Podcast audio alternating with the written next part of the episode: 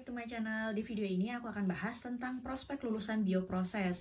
Sebelumnya jangan lupa klik subscribe dan turn on notification biar kamu selalu dapat informasi terbaru dari video-videoku selanjutnya. Nah, bagi kamu yang saat ini sedang kuliah bioproses atau mungkin kamu saat ini SMA dan lagi menentukan mau kuliah jurusan apa, maka bioproses bisa menjadi salah satu pilihanmu. Tapi kemudian kan kamu berpikir nih, kalau nanti udah lulus, prospeknya kira-kira seperti apa ya? Nah, untuk bioproses sendiri sebenarnya selama kuliah, bioproses UB ya, saya highlight di sini karena saya nggak kuliah di UI. Nah, bioproses UB sebenarnya kurang lebih mirip dengan bioteknologi UB karena juga berada di dalam satu fakultas yang sama. Tapi kalau untuk bioproses ini lebih ke arah peralatannya, maksudnya ke arah permesinannya, lebih ke arah tekniknya dibandingkan di bioteknologi. Jadi karena bioteknologi ini di UB lebih ke bioteknologi industri dan lebih ke pengolahan pangan, di bioprosesnya itu lebih ke membuat alatnya, lebih ke ada perbengkelannya, robotikanya. Nah, di sini udah kebayang ya, kira-kira kuliahnya seperti apa. Nah, kalau untuk proses kelulusannya, kalau kamu S1 dan S2 di bioproses, atau minimal ya S1 dan S2 di Fakultas Teknologi Pertanian, maka kamu bisa uh, berkarir sebagai dosen di bioproses. Banyak banget kok dosen-dosen yang sekarang menjadi uh, yang mengajar di bioproses itu S1, S2. S1 dan S2-nya ngambil bioproses di UB ngambil di Fakultas Teknologi Pertanian juga kemudian S3-nya ngambil di luar negeri atau di universitas lain gitu.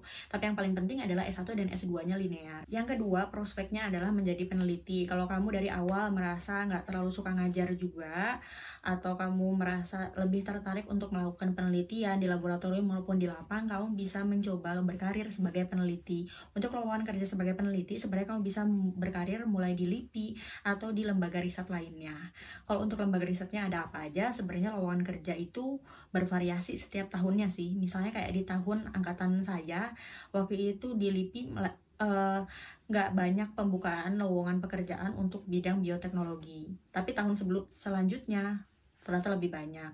Nah, jadi yang paling penting kamu selalu cari lowongan pekerjaan setelah lulus. Jadi misalnya gini, kamu sekarang udah selesai skripsi, tinggal wisuda. Nah, kamu udah bisa nyari-nyari lowongan pekerjaan, udah bisa nyari uh, udah bisa ngerencanain lah nanti kira-kira mau kerja di mana. Jadi udah ngambil ancang-ancang. Jadi nggak nunggu wisuda dulu terus udah itu baru bingung mau mau kerja di mana ya gitu. Kenapa? Karena kita misalnya udah selesai sidang, kita udah punya SKL atau surat keterangan lulus, itu udah bisa dipakai daftar di, di berbagai perusahaan atau juga di berbagai instansi.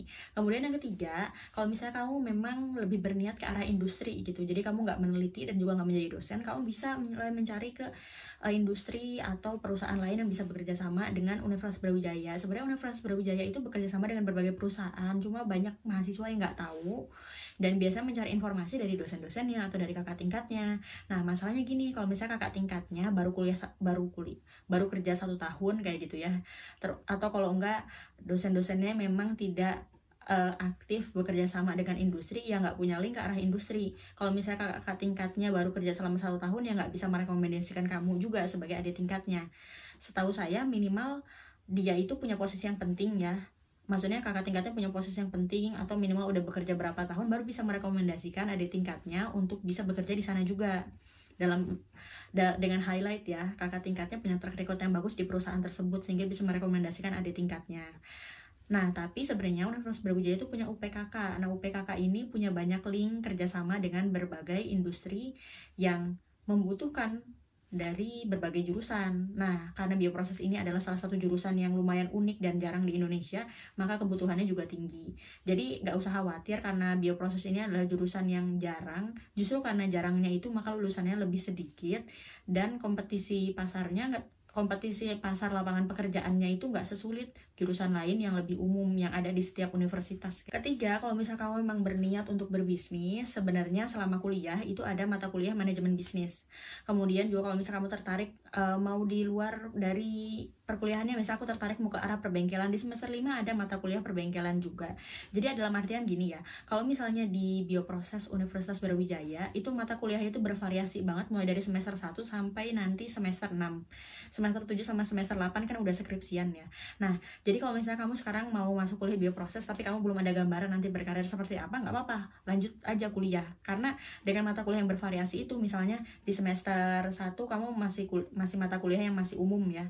Uh, masih yang dasar-dasar gitu. Kemudian di semester 4 ketemu manajemen bisnis. Oh, kayaknya aku tertarik nih. Nanti di semester 5 ketemu robotika yang benar-benar beda banget sama manajemen bisnis gitu. Dan di situ kamu bisa lihat lebih prefer ke arah yang mana. Jadi sebenarnya untuk bioproses ini nggak seperti jurusan-jurusan lain yang dari awal itu udah ya udah jelas gitu karirnya apa. Nah, sementara kalau untuk bioproses kamu masih bisa menentukan minat kamu apa seiring berjalannya perkuliahan itu karena mata kuliahnya juga yang bervariasi. Selain itu, kalau misalnya kamu memang udah tertarik terhadap salah satu mata kuliah di mata kuliah yang wajib ya, kamu bisa memilih nanti mata kuliah pilihannya ke arah yang kamu minati. Jadi kamu bisa memperdalam di bidang itu.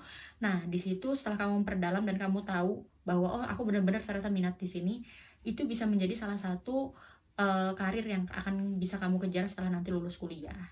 Segitu aja penjelasan tentang prospek kerja dan prospek karir untuk lulusan bioproses. Kalau kamu punya pertanyaan lain, bisa tanya di kolom komentar di bawah ini. Jangan lupa klik subscribe dan turn on notification. Terima kasih sudah menonton video ini sampai akhir. Dah.